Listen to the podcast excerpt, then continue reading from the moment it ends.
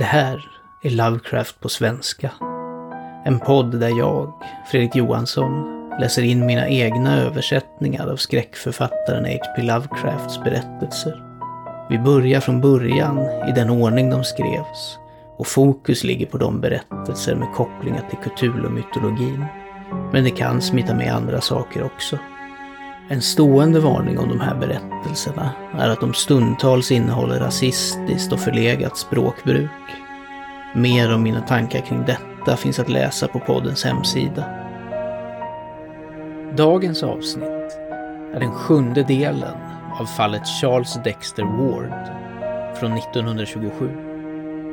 Charles har försvunnit.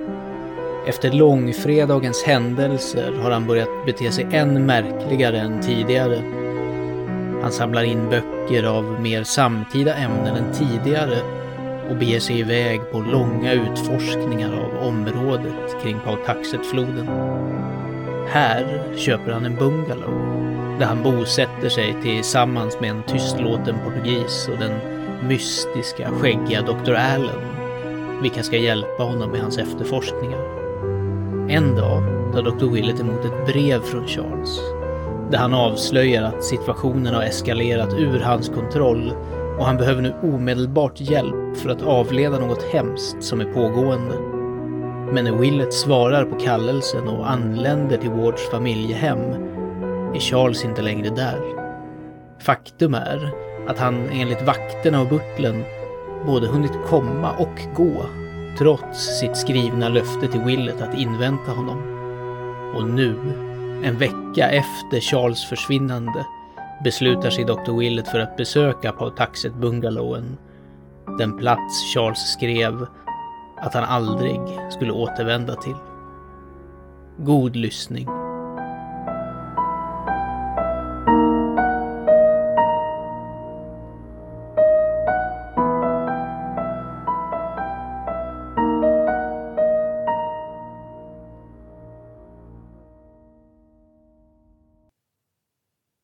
Fallet Charles Dexter Ward Del 7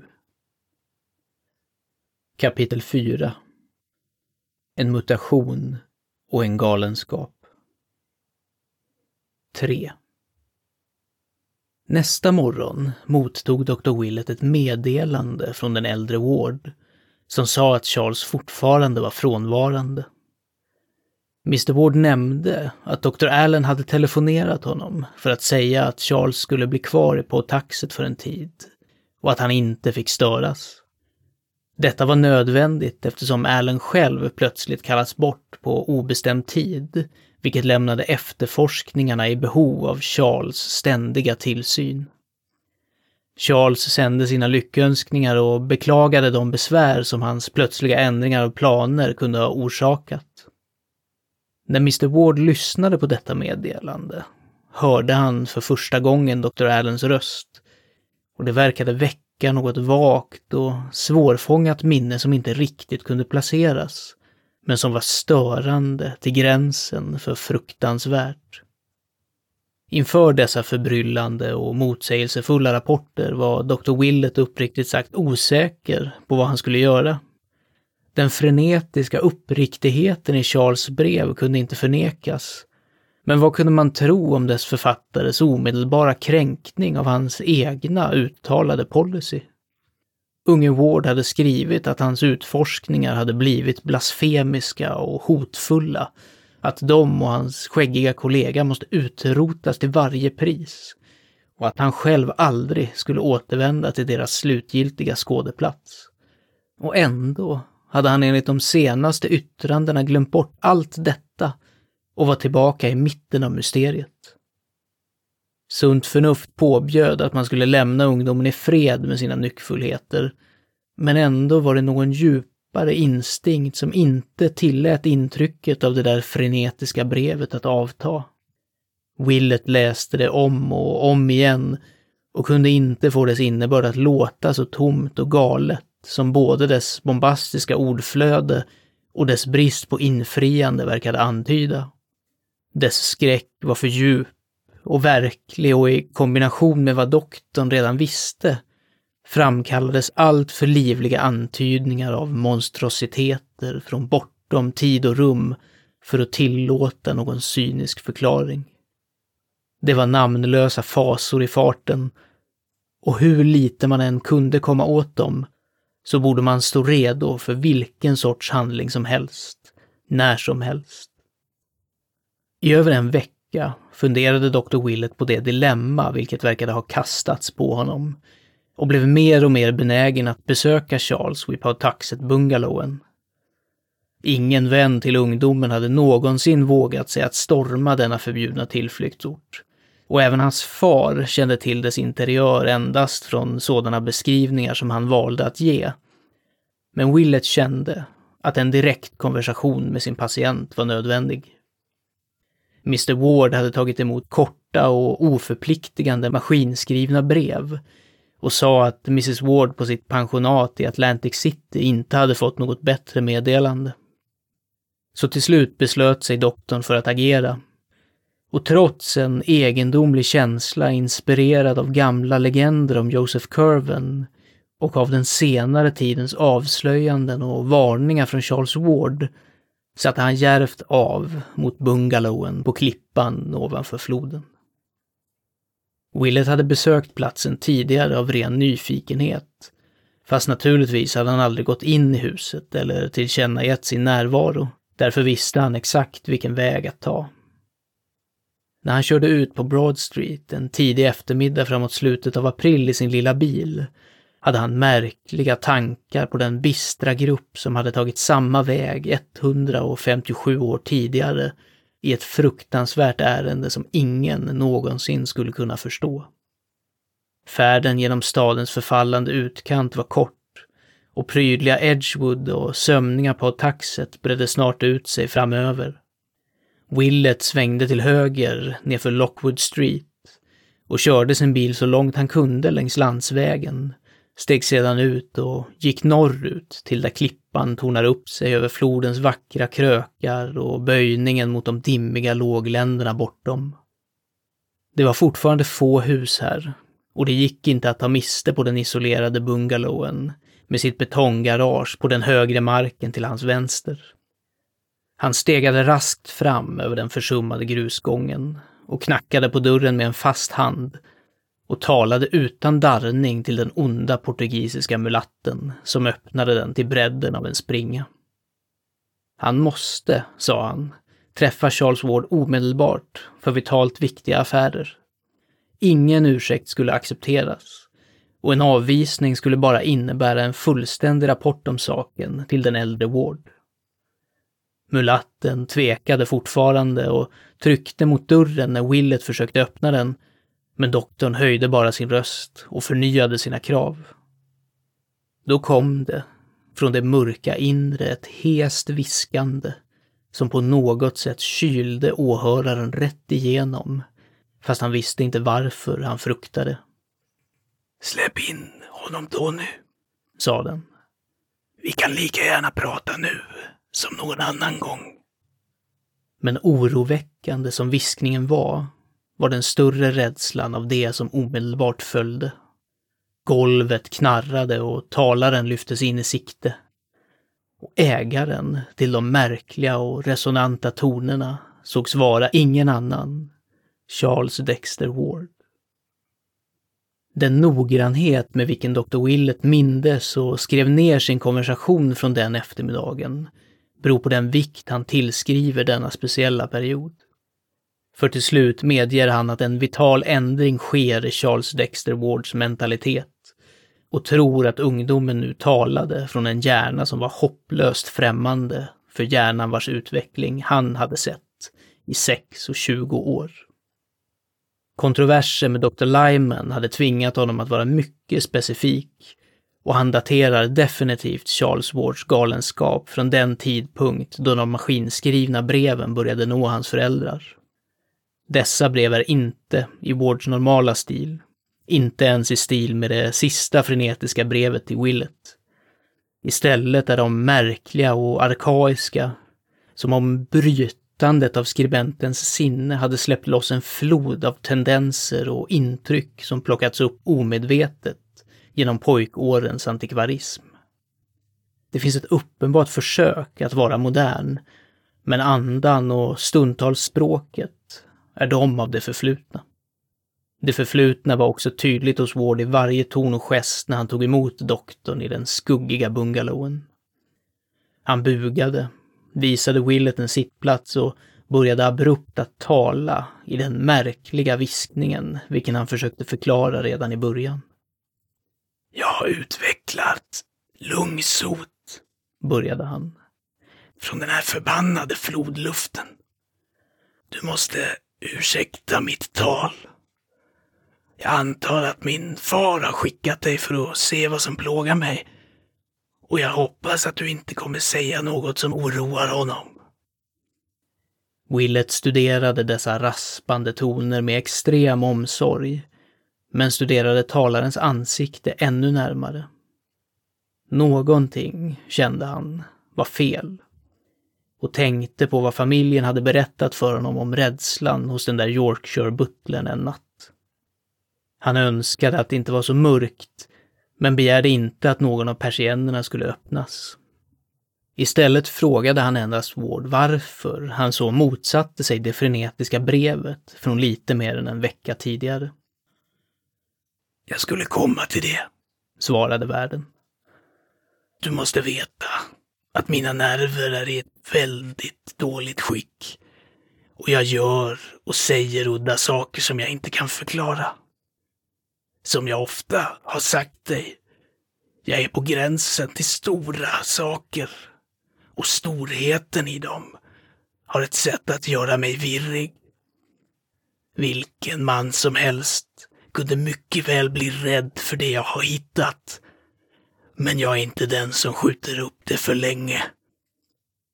Det var dumt av mig att ha en vaktbevakning hemma.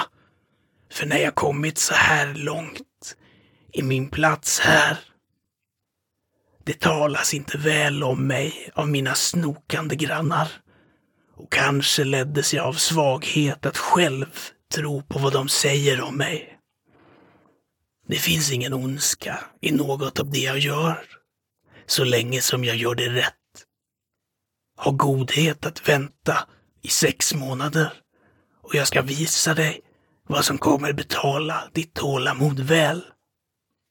Du kan lika gärna få veta att jag har ett sätt att lära mig om gamla ting från saker säkrare än böcker. Och jag låter dig bedöma vikten av vad jag kan ge historia, filosofi och konst genom de dörrar jag har tillgång till. Min förfader hade allt detta när de enfaldiga fönstertittarna kom och mördade honom.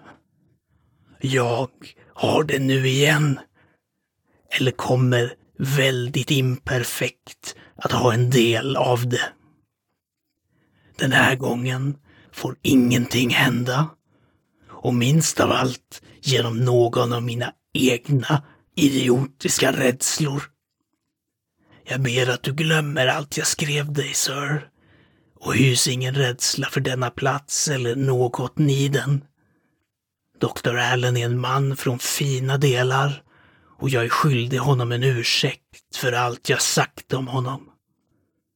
Jag önskar att jag inte behövde undvara honom, men det fanns saker som han var tvungen att göra någon annanstans.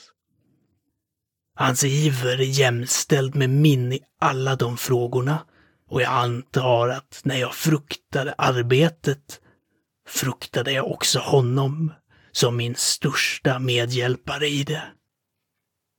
Ward gjorde ett uppehåll och doktorn visste knappt vad han skulle säga eller tänka. Han kände sig nästan dåraktig inför detta lugna förkastande av brevet.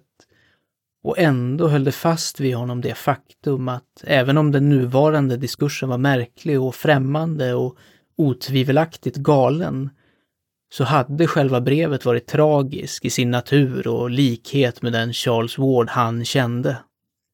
Willet försökte nu att vända samtalet till tidigare frågor och påminde ungdomen om några tidigare händelser som kunde återställa en bekant stämning. Men i denna process erhöll han endast de mest groteska resultat. Det var detsamma med alla psykologer senare. Viktiga delar av Charles Wards förråd av mentala bilder, främst de som rörde moderna tider och hans egna personliga liv, hade oförklarligt utplånats, medan all den samlade antikvariska kunskap från hans ungdom hade vällt upp från något outgrundligt omedvetande för att uppsluka samtiden och individen. Ynglingens ingående kunskap om äldre ting var abnormalt och oheligt och han gjorde sitt bästa för att dölja det. När Willet nämnde något favoritföremål från hans pojkårs arkaiska studier kastade han ofta av ren slump ett sådant ljus över det som ingen normal dödlig rimligen kunde förväntas besitta och doktorn ryste när den lättvindiga anspelningen gled förbi. Det var inte hälsosamt att veta så mycket om hur den feta sheriffens peruk föll av när han lutade sig framåt under pjäsen på Mr Douglas Histronic Academy på King Street den 11 januari 1762, som inföll på en torsdag, eller om hur skådespelarna klippte i texten till Steels Conscious Lovers så illa att man nästan var glad över att den baptisttyngda församlingen stängde teatern två veckor senare. Att Thomas Sabins Boston-diligens var förbannat obekväm kan gamla brev mycket väl ha berättat. Men vilken sund antikvarie kunde minnas hur knarrandet på Epinettus Olnys nya skylt, den pråliga kronan han satte upp efter att han började kalla sin krog för Crown Coffee House, lät exakt som de första tonerna i det nya jazzstycket som alla radioapparater i Pautaxet spelade. Ward däremot lät sig inte utfrågas länge i detta spår. Moderna och personliga ämnen viftade han undan ganska summariskt, medan han angående antika angelägenheter snart uppvisade den tydligaste tristess. Vad han önskade, tydligt nog, var endast att tillfredsställa sin besökare tillräckligt för att få honom att avlägsna sig utan avsikt för att återvända. För detta ändamål erbjöd han sig att visa Willet hela huset och började genast att leda doktorn genom varje rum, från källare till vind. Willet tittade noggrant, men noterade att de synliga böckerna var alldeles för få och triviala för att någonsin ha fyllt de breda luckorna på Wards hyllor hemma. Och det knappa så kallade laboratoriet var den klenaste sortens hölje. Uppenbarligen fanns det ett bibliotek och ett laboratorium någon annanstans. Men precis var var omöjligt att säga. I stort sett besegrad i sitt sökande efter någonting som han inte kunde namnge återvände Willet till stan innan kvällen och berättade för den äldre Ward om allting som hade hänt. Framför allt måste Mrs Ward hållas så ovetande som möjligt, som hennes sons maskinskrivna brev nu kunde tillåta. Mr Ward var nu beslutsam att personligen besöka sin son och gjorde det som ett helt överraskande besök. Dr Willett tog honom i sin bil en kväll, guidade honom tills bungalowen var inom synhåll och väntade tålmodigt på hans återkomst. Sessionen var lång och fadern kom tillbaka i ett mycket sorgset och förvirrat tillstånd. Hans mottagande hade utvecklat sig mycket likt Willets, förutom att det hade tagit Charles överdriven lång tid innan han dök upp efter att besökaren hade tvingat sig in i hallen och skickat iväg portugisen med en befallande fordran. Och i den förändrade sonens hållning fanns det inte ett spår av familjär tillgivenhet. Ljusen hade varit dämpade, men även så hade ynglingen klagat över att de bländade honom överdrivet. Han hade inte talat högt alls, påstod att hans hals var i mycket dåligt skick, men i hans hesa viskande fanns det en egenskap så vagt störande att Mr Ward inte kunde förvisa den från sitt sinne. Nu definitivt förbundna tillsammans för att göra allt de kunde för ungdomens mentala räddning började Mr Ward och Dr Willett att samla in varje spår av information som fallet kunde ge. På taxetskvallret var den första punkten de studerade. och detta var relativt lätt att samla in eftersom båda två hade vänner i det området. Dr. Willett erhöll flest rykten eftersom folk talade mer öppet med honom än med en förälder till den centrala figuren. Och från vad han hörde kunde han förstå att unge Wards liv verkligen hade blivit underligt.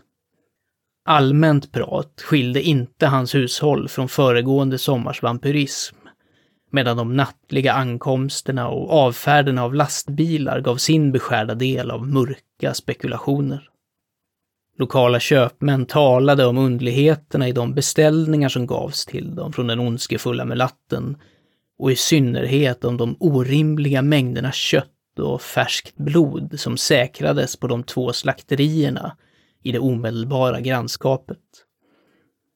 För ett hushåll på bara tre var dessa mängder ganska absurda. Sedan var det frågan om ljuden under jorden. Redogörelser om dessa saker var svåra att hitta, men alla vaga antydningar stämde samman i vissa grundläggande väsentligheter. Ljud av en rituell karaktär fanns definitivt, och vid tider när bungalowen var mörk. De kunde, såklart, ha kommit från den kända källaren, men rykten insisterade på att det fanns djupare och mer utspridda kryptor. De erinrade sig de gamla berättelserna om Joseph Curvens katakomber och tog för givet att den nuvarande bungalowen hade valts ut på grund av dess läge på den gamla Curvenplatsen som avslöjats av ett eller annat dokument som hittats bakom bilden. Så Willett och Mr Ward gav den här delen av skvallret mycket uppmärksamhet och sökte många gånger, utan framgång, efter dörren i flodbanken som de gamla manuskripten nämnde. Vad gällde de allmänna åsikterna om bungalowens olika invånare stod det snart klart att brava portugisen var avskydd, den skäggiga och glasögonprydda doktor Allen fruktad och den bleke unge forskaren ogillad i en stor utsträckning. Under den senare veckan eller två hade Ward uppenbarligen förändrats mycket, övergett sina försök till vänlighet och talade endast i hesa men udda avvisande viskningar vid de två tillfällen han dristade sig fram. Sådana var de spår och fragment som samlades här och där. Och om dessa höll Mr Ward och Willett många långa och allvarliga konferenser. De strävade efter att utöva slutledning, härledning och konstruktiv föreställning till det yttersta och att korrelera all känd fakta om Charles senare liv, inklusive det frenetiska brevet, vilket doktorn nu visade fadern, med de magra dokumentära bevis som fanns tillgängliga avseende gamle Joseph Curven. De skulle ha gett mycket för en glimt av de papper som Charles hade funnit, för mycket tydligt låg nyckeln till ungdomens galenskap i vad han hade lärt sig om den gamla trollkaren och hans gärningar.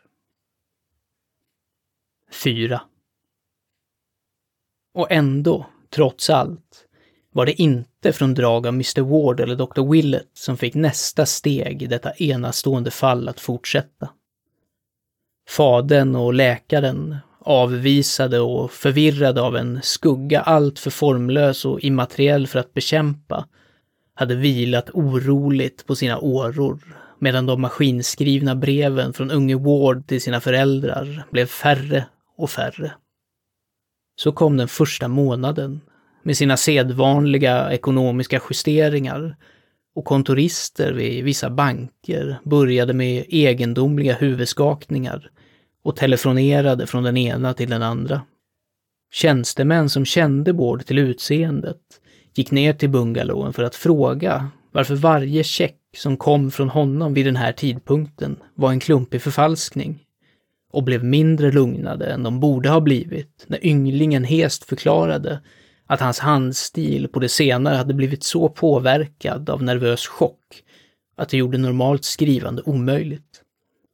Han kunde, sa han, inte forma några skrivna tecken alls, förutom med stor svårighet, och kunde bevisa det med det faktum att han hade tvingats skriva alla sina senaste brev med maskin, även de till sin far och mor, som skulle bekräfta påståendet. Det som fick utredarna att stanna upp i förvirring var inte endast denna omständighet. För det var ingenting exempellöst eller fundamentalt misstänksamt. Inte ens på taxet-skvallret som en eller två av dem hade hört ekon av.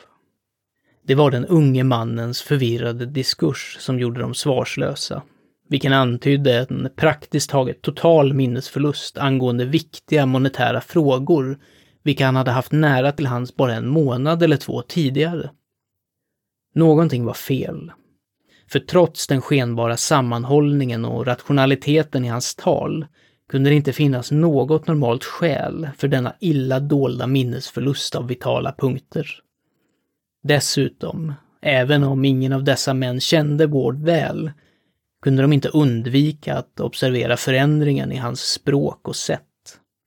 De hade hört att han var en antikvarie, men även de mest hopplösa antikvarier använder inte dagligen föråldrade fraser och gester. Sammantaget, denna kombination av heshet, förlamade händer, dåligt minne och förändrat tal och hållning måste representera någon störning eller åkomma av verklig tyngd, vilken utan tvivel utgjorde grunden av de förhärskande udda ryktena. Och efter deras avfärd beslutade gruppen av tjänstemän att ett samtal med den äldre Ward var absolut nödvändigt. Så den 6 mars 1928 hölls det en lång och allvarlig konferens på Mr Wards kontor efter vilken den ytterst förbryllade fadern tillkallade Dr. Willett i en slags hjälplös resignation. Willett tittade igenom de ansträngda och klumpiga signaturerna på checkarna och jämförde dem i sitt sinne med handstilen på det sista frenetiska brevet. Visst var förändringen radikal och ingående, och ändå var det något förbannat bekant med den nya skriften. Den hade kråkfotsaktiga och arkaiska tendenser av ett mycket märkligt slag och verkade vara resultatet av en ny typ av handstil, ytterst annorlunda från den som ungdomen alltid hade använt. Det var märkligt. Men var hade han sett den förut? På det hela taget var det uppenbart att Charles var galen. Om det kunde det inte vara några tvivel. Och eftersom det verkade osannolikt att han skulle kunna hantera sin egendom eller fortsätta att hantera omvärlden mycket längre, måste något snabbt göras för hans tillsyn och möjliga bot. Det var då som psykologerna kallades in. Dr. Peck och Waite från Providence och Dr. Lyman från Boston, till vilka Mr. Ward och Dr. Willett gav den mest möjliga omfattande historien om fallet och som konfererade länge i deras unge patients nu oanvända bibliotek och undersökte de av hans böcker och papper som lämnats kvar för att få en vidare uppfattning om hans vanemässiga mentala form. Efter att ha sett över detta material och undersökt det olycksbådande brevet till Willett var de alla överens om att Charles Wards studier hade varit tillräckligt för att rubba eller åtminstone förvränga vilket vanligt intellekt som helst och önskade hjärtligt att de kunde se hans mer intima volymer och dokument. Men det sistnämnda visste de att de endast kunde göra, om alls, efter en scen i själva bungalowen. Willett granskade nu hela fallet med febril energi. Det var vid denna tidpunkt som han erhöll uppgifterna från hantverkarna som hade sett Charles finna kurvendokumenten och som han kollationerade incidenterna med de förstörda tidningsartiklarna och letade upp dem senare på Journals kontor. Torsdagen den 8 mars avlade Dr. Willett, Peck, Lyman och Waite tillsammans med Mr. Ward ett betydelsefullt besök hos ungdomen. De gjorde inga försök att dölja sin avsikt och utfrågade den nu erkända patienten extremt minutiöst. Charles, även om det tog honom orimligt lång tid att svara på kallelsen, och han fortfarande luktade av märkliga och skadliga laboratorieodörer när han till slut gjorde sitt irriterande uppträdande, visade sig vara långt från ett motsträvigt föremål för utfrågning. Och medgav villigt att hans minne och balans hade blivit något lidande av de nära tillämpningarna av abstrusa studier. Han bjöd inget motstånd när hans avlägsnande till andra inkvarteringar insisterades på och verkade faktiskt uppvisa en hög grad av intelligens som frånskilt från själva minnet. Hans uppförande skulle ha sänt iväg hans intervjuare i förvirring om inte det ihållande arkaiska sättet i hans tal och den omisskännliga ersättningen av moderna med gamla idéer i hans medvetande utmärkte honom som definitivt avlägsen från det normala. Om hans arbete ville han inte säga mer till gruppen av doktorer än vad han tidigare hade sagt till sin familj och till Dr. Willett. Och hans frenetiska brev från föregående månad avfärdade han som endast nerver och hysteri. Han insisterade på att denna skuggiga bungalow inte hade något bibliotek eller laboratorium utöver de som syntes och blev tilltagande svårförstådd i sina förklaringar av frånvaron i huset av sådana odörer som nu genomsyrade alla hans kläder. Grannskapets skvaller tillskrev han till ingenting annat än den billiga uppfinningsrikedomen av förbryllad nyfikenhet.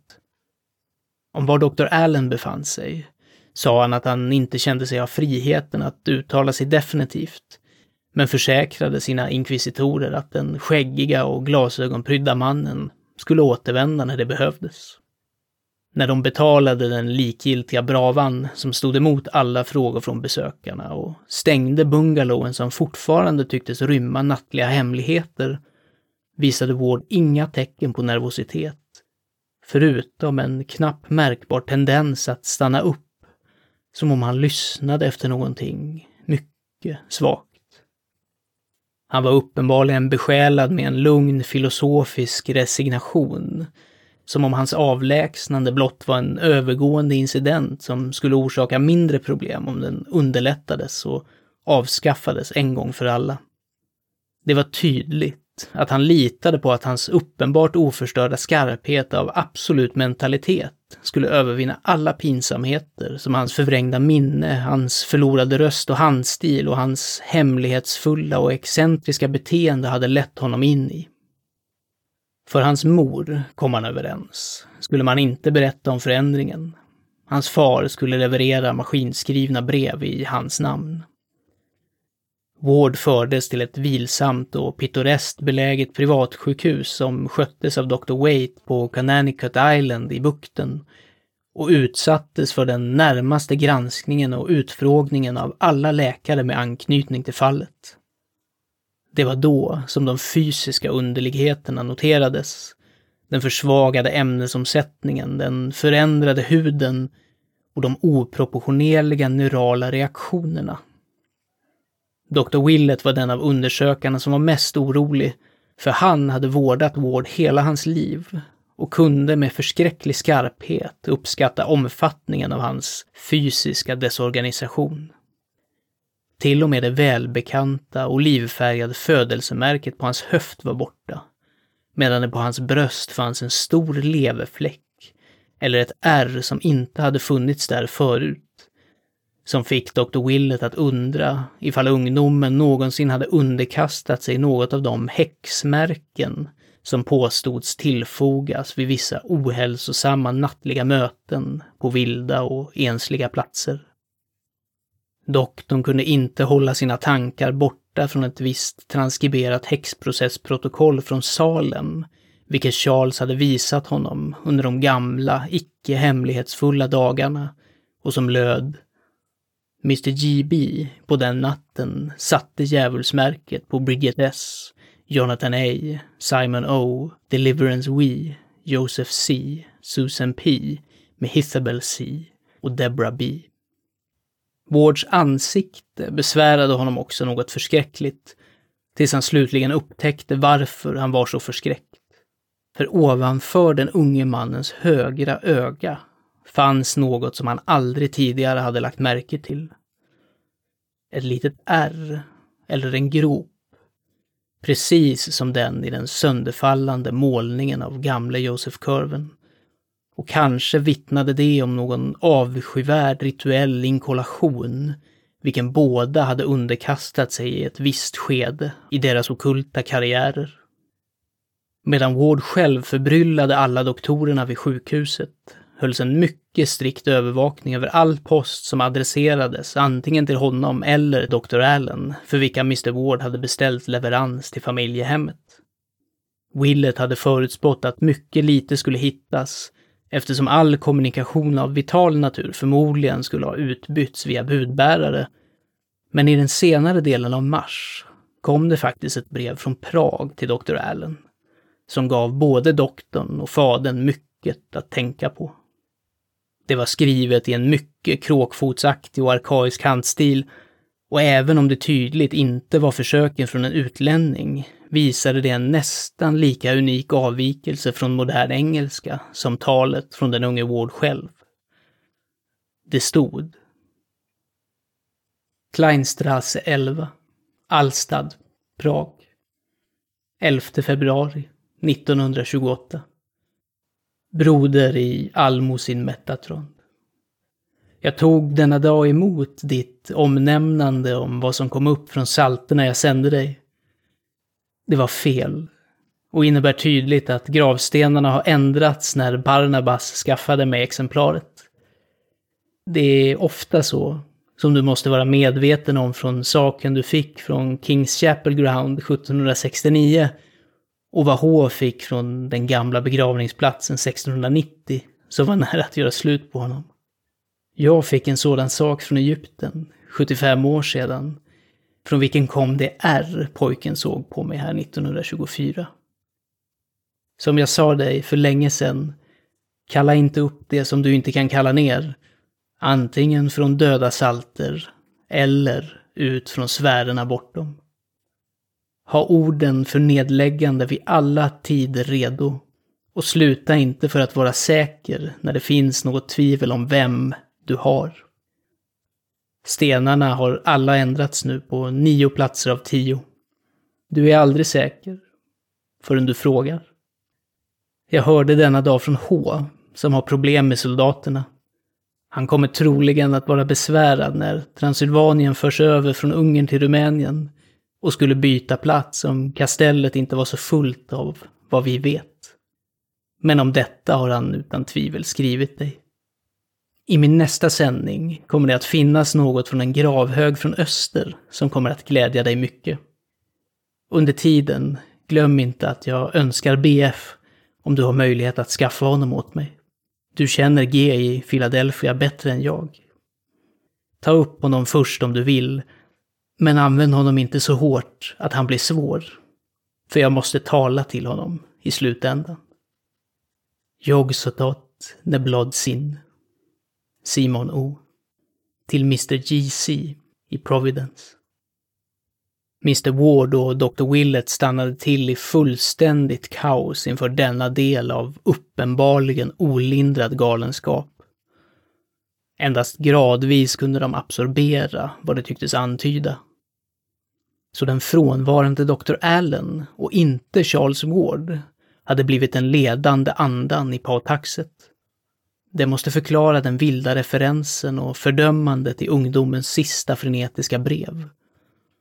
Och vadan detta tilltal av den skäggiga och glasögonprydda främlingen som Mr JC. Det gick inte att undanfly slutsatsen, men det finns gränser för möjlig monstrositet. Vem var Simon O? Den gamle mannen Ward hade besökt i Prag fyra år tidigare. Kanske, men i århundradena bakom hade det funnits en annan Simon O. Simon Orn, alias Jebedaja, från Salem som försvann 1771 och vars säregna handstil Dr. Willett nu kände igen från de fotokopior av ornformlerna som Charles en gång hade visat honom. Vilka fasor och mysterier, vilka motsägelser och överträdelser mot naturen hade kommit tillbaka efter ett och ett halvt sekel för att trakassera gamle Providence med sina klungande spiror och kupoler. Fadern och den gamle läkaren, praktiskt taget svarslösa över vad att göra eller tro, gick för att träffa Charles på sjukhuset och frågade honom så försiktigt de kunde om Dr. Allen, om Pragbesöket och om vad han hade lärt om Simon eller Jebedaja Orn från Salem. Åt alla dessa förfrågningar var ynglingen artigt vag och skällde endast i sin hesa viskning att han hade funnit Dr. Allen att ha en anmärkningsvärd spirituell samhörighet med vissa själar från det förflutna och att vilken korrespondent som den skäggiga mannen än kunde ha i Prag förmodligen skulle vara begåvad på samma sätt. När de gick insåg Mr Ward och Dr Willett till sitt förtret att det i själva verket hade varit de som varit under katekes. Och utan att han själv förmedlat något väsentligt hade den instängda ungdomen flinkt pumpat dem om allt som Pragbrevet hade innehållit. Dr Peck, Waite och Lyman var inte benägna att fästa stor vikt vid den märkliga korrespondensen från den unge Wards följeslagare, för de kände till tendensen hos likartade excentriker och monomaner att slå sig samman och ansåg att Charles eller Allen endast hade hittat en landsförvisad motpart. Kanske en som hade sett Orns handstil och kopierat den i ett försök att posera som den svunne karaktärens reinkarnation. Allen själv var kanske ett liknande fall och kan ha övertygat ungdomen att erkänna honom som en avatar av den länge döde kurven. Sådana saker var kända sedan tidigare och på samma grund undanskaffade de sakliga doktorerna Willets växande oro över Charles nuvarande handstil, som studerades från oförberedda exemplar erhållna via diverse knep. Willett tyckte att han kunde placera den märkliga likheten till slut. Och att vad den vagt liknade var den svunna skrivstilen av gamle Joseph Curwen själv. Men detta ansåg de andra läkarna vara en fas av immativitet som man kunde förvänta sig i en mani av det här slaget. Och vägrade att tillerkänna det någon betydelse, vare sig gynnsam eller ogynnsam. Willett kände igen denna prosaiska attityd hos sina kollegor och rådde Mr Ward till att behålla för sig själv det brev som anlände till Dr. Allen den 2 april från Rakus, Transylvanien, i en handstil så intensivt och fundamentalt likt den i Hutchinson-skiffret att både fadern och läkaren stannade till i bävan innan de bröt förseglingen. Det lydde som följande. Slottet Ferenzi. 7 mars 1928. Kära C. Hade en grupp om 20 miliser komma upp för att tala om vad landfolket säger. Måste gräva djupare och höras mindre. Dessa rumäner plågar mig något förbannat. Är officiösa och noggranna där du kunde köpa dig fri från Majgar med en sup och mat. Förra månaden skaffade M mig sarkofagen av de fem sfinxerna från det Akropolis där han jag kallade upp sa att den skulle vara. Och jag har haft tre samtal med det som var begravt där i. Den ska vidare till SO i Prag och senare till dig. Den är envis. Men du vet hur sådant hanteras. Du visar visdom i att ha färre runt omkring dig än förut för det fanns inget behov av att hålla vakterna i form och ha dem ätande dig ur huset. Och det ger mycket att hittas om det uppstår problem. Som du vet allt för väl. Du kan nu förflytta dig och arbeta någon annanstans utan några mördande problem om det behövs. Fast jag hoppas att ingen sådan sak kommer att tvinga dig till en sådan besvärlig väg. Jag gläds åt att du inte handlar så mycket med dem på utsidan för det fanns alltid en dödlig fara i det. Och du är medveten om vad du gjorde när du bad om beskydd från en som inte var benägen att ge det. Du överträffar mig i att skaffa formler så att en annan kan säga dem med framgång. Men Borelius föreställde sig att det skulle vara så, om bara de rätta orden skaffades. Använde pojken dem ofta?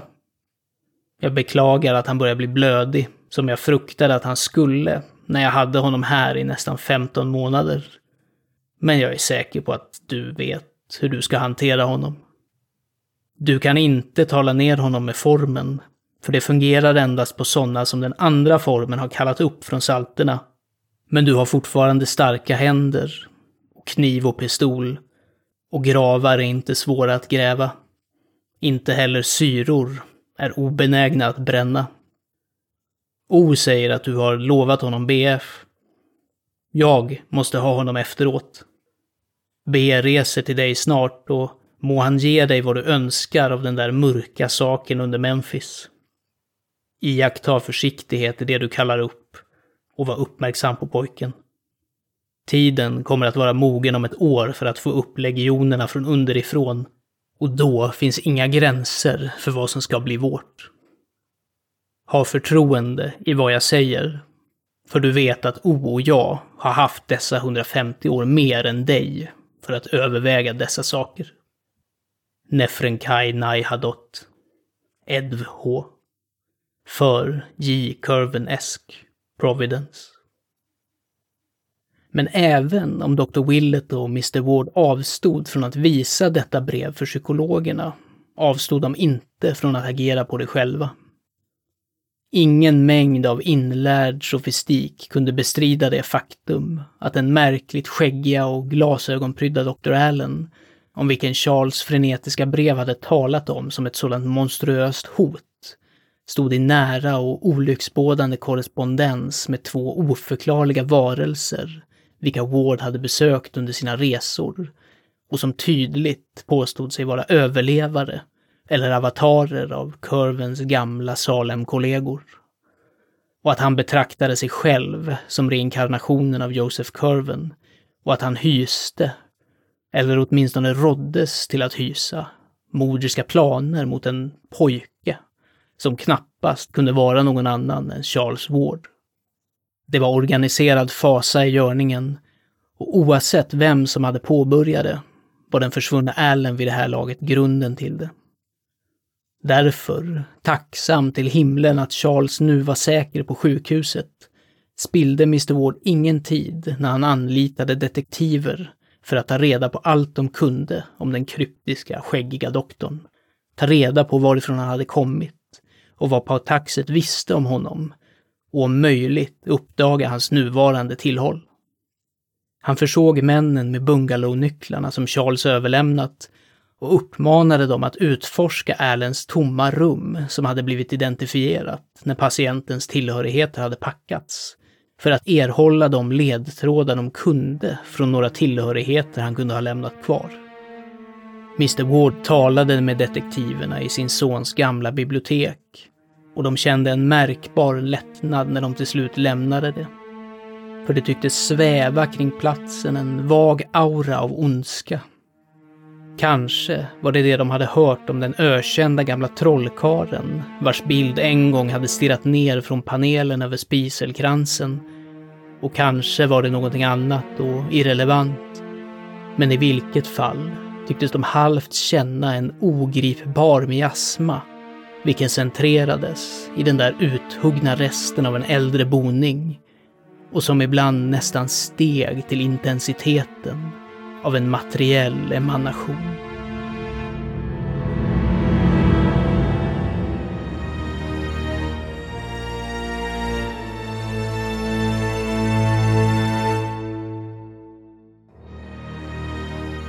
Du har lyssnat på den sjunde delen av fallet Charles Dexter Ward.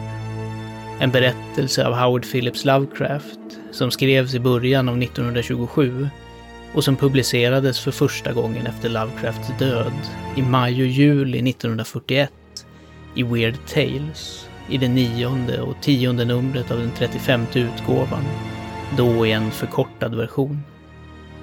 Den svenska översättningen och inläsningen är gjord av mig, Fredrik Johansson. Tack för att du har lyssnat.